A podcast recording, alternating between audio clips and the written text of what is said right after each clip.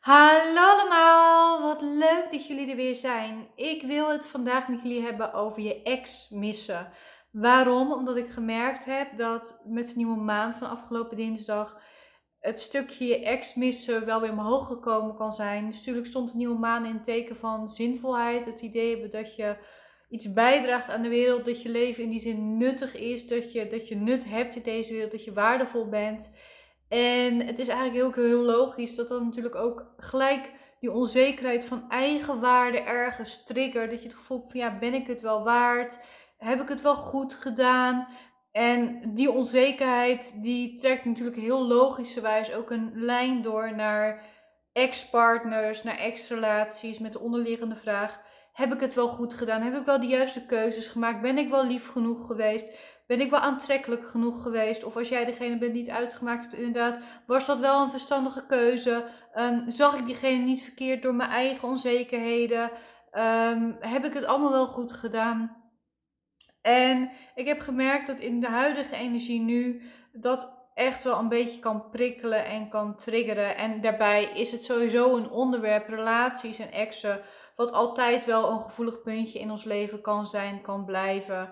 Um, omdat we het gewoon goed willen doen. Omdat we uh, ook relaties gewoon belangrijk vinden. En omdat we gewoon graag verbonden zijn op een liefdevolle manier. En ook andere mensen ook nog eens geen pijn willen doen. En zeker als je dan een partner hebt die automatisch toch een stukje dichterbij je staat. Dan, dan kan je in dat verwatering komen van ja, doe ik het wel goed? Is het wel goed? Is het wel goed om uit elkaar te gaan? En ook als je een relaties hebt van ja, past dezegene wel bij mij? Of leven we helemaal langs elkaar heen? En dat is zo'n ontzettend lastig onderwerp. En daarvoor wil ik er eigenlijk met je over babbelen, dus vandaag in deze video. Omdat er echt, dat het echt heel normaal is dat er pijnpuntjes in verwoven zitten. Het is ook heel normaal, en dat wil ik eerst eventjes heel duidelijk maken, dat je je ex zo nu en dan mist. En ik zal je verklappen dat je niet per se je ex als volledigheid mist, maar bepaalde dingen mist die je deelde.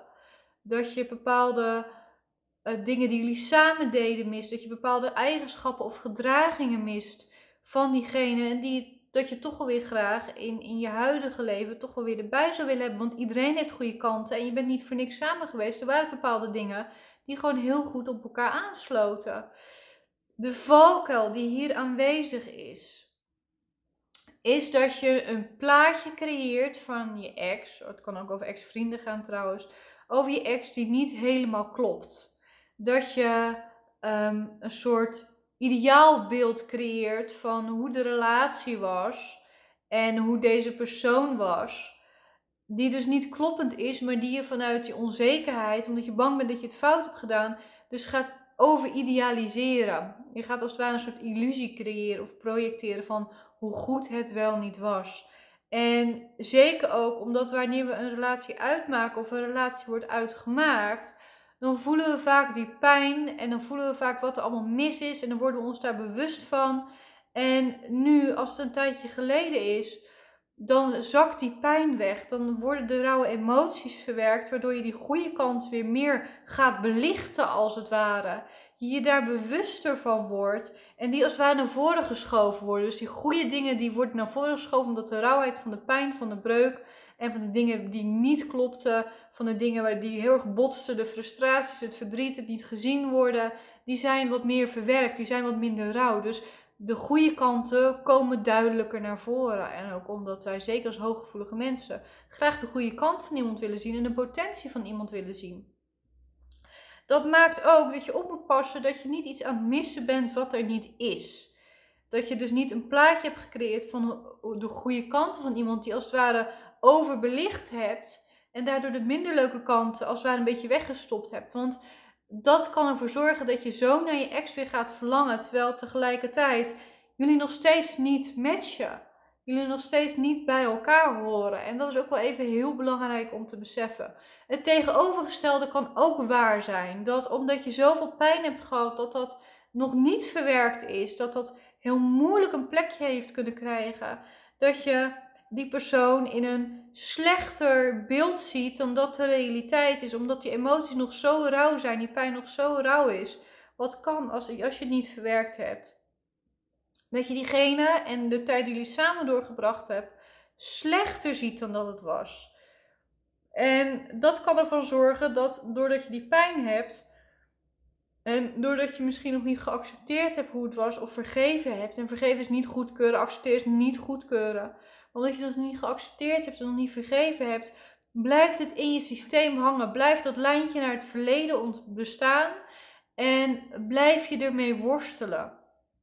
En nogmaals, vergeven doe je omdat je jezelf rust gunt. Accepteren doe je omdat je ziet wat de werkelijkheid is en je accepteert het zoals het is zonder het goed te keuren. Ook al had je het liever anders gezien, ook al kun je het dus absoluut niet goed, daar heeft het niks mee te maken. Vergeven doe je omdat je jezelf rust gunt.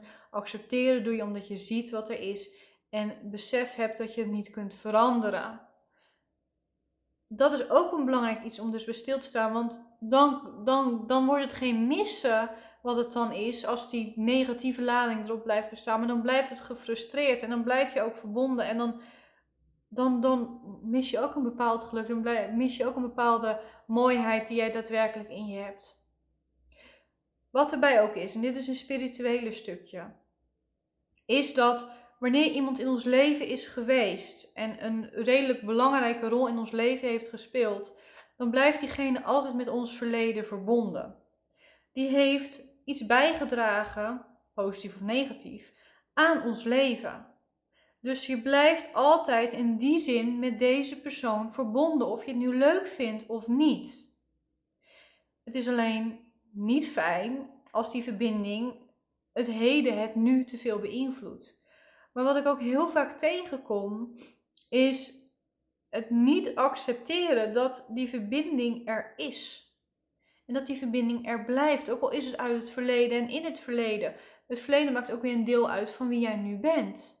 Dus er blijft altijd een connectie bestaan. En die connectie ehm, kan er ook voor zorgen dat je soms gewoon onbewust, noem het zelfs telepathisch, contact maakt met je ex of met ex-vrienden. En dat is helemaal oké. Het is oké om af en toe want dat, dat, dat is ook de functie van je hersenen. Die gaan alles weer verwerken. Die gaan alles weer opnieuw een plekje geven. Je groeit weer, dus alles moet even herkoud worden.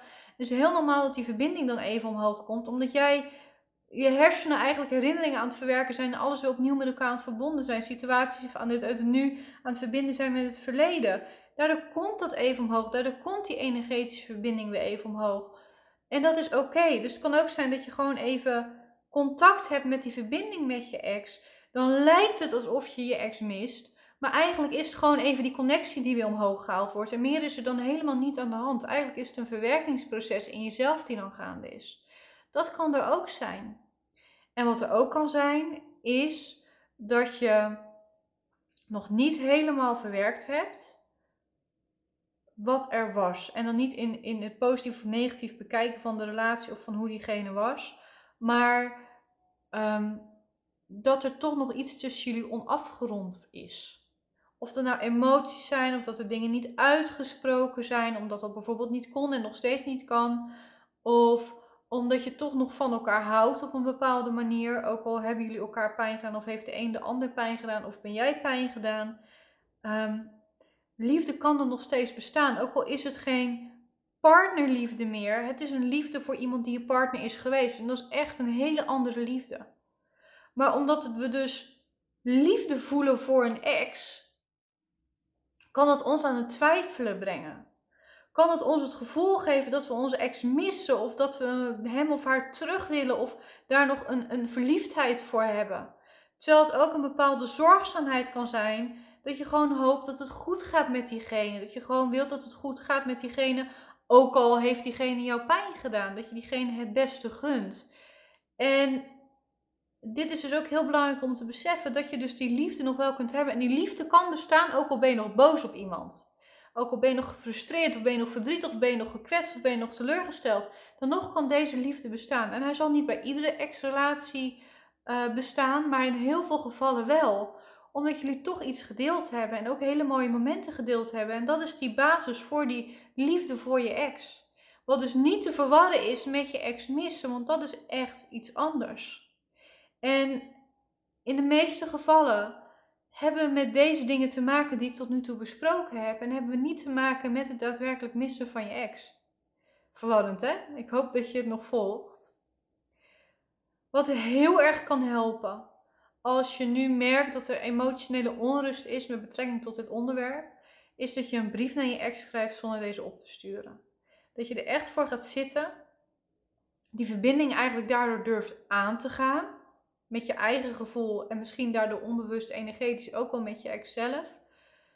dat je gaat opschrijven wat je tegen diegene te zeggen hebt. Positief of negatief.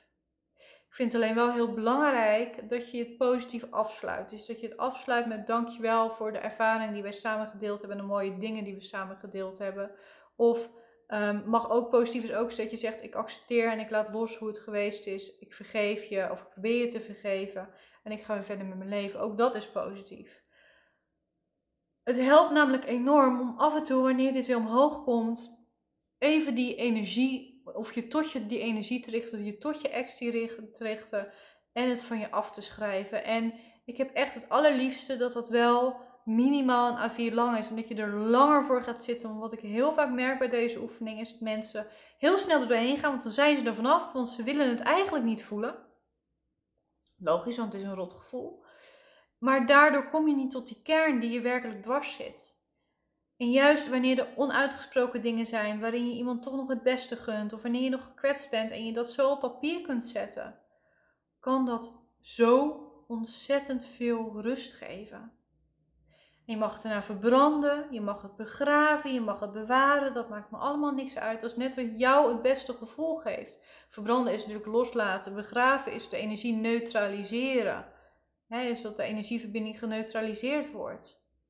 Bewaren is dat je zegt van ik mag er nog iets mee. Of ik plaats het juist in mijn verleden. Dat kan ook bewaren zijn. Het maakt niet uit wat je doet als het voor jou maar goed voelt.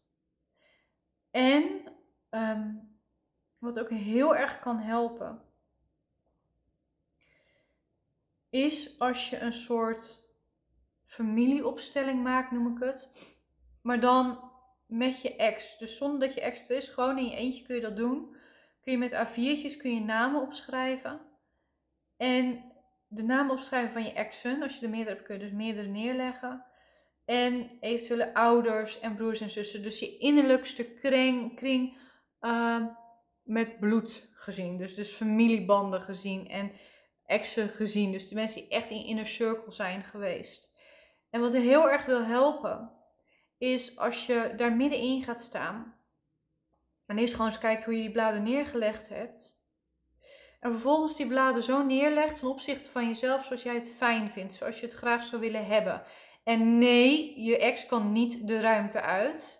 Hij kan wel aan de andere kant van de ruimte zijn, maar je ex hoort in je verleden, is verbonden met je verleden. Dus helemaal weg, dat gaat niet. Dat is ook vaak de fout die we maken of de onhandigheid die we hebben. Wanneer we dat namelijk proberen, voeden we juist de negatieve energieverbinding die er op dat moment bestaat tussen jou en je ex. En je eigen emoties ten opzichte van je ex. En wat je dan gaat doen, is voor ieder blad staan, dus niet erop, voor ieder blad staan. En daar heel even je zegje tegen doet. Daar heel even je zegje tegen doet. Zodat je als het ware grotere verbindingen en de andere lijnen ook gelijk wat meer rust brengt. Want vaak heeft je ex natuurlijk iets weg van je vader of van je moeder. Vaak heb je een ex-relatie iets proberen te helen of iets te proberen hercreëren wat je met je vader of je moeder had. Of met je opa of oma kan ook. En wanneer we dus de grotere familielijnen erbij betrekken, zul je merken dat deze emoties ook tot rust komen zul je merken dat het oké is. En je hoeft het niet op bladen te doen. Je kan het ook in je hoofd doen. Dat je die personen even allemaal in je hoofd neerzet. En dat je ze op een andere positie neerzet. En ze allemaal even kort en bondig zegt wat je wil zeggen. Eindig wel positief. Dat vind ik heel erg belangrijk voor je eigen balans en harmonie in jezelf met je eigen emoties. Moeilijker hoeft het niet te zijn. Maar het belangrijkste vind ik dus dat je beseft dat je ex altijd met je verbonden zal zijn en zal blijven. En dat je dus ook altijd een bepaalde liefde kunt voelen voor je ex. Ook al is dat een liefde voor je ex en niet voor je partner. Dat het dus een andere vorm van liefde is. En het kan natuurlijk ook zo zijn dat jouw ex een zielsverwant voor jou was. Of een soulmate was, een tweelingziel was.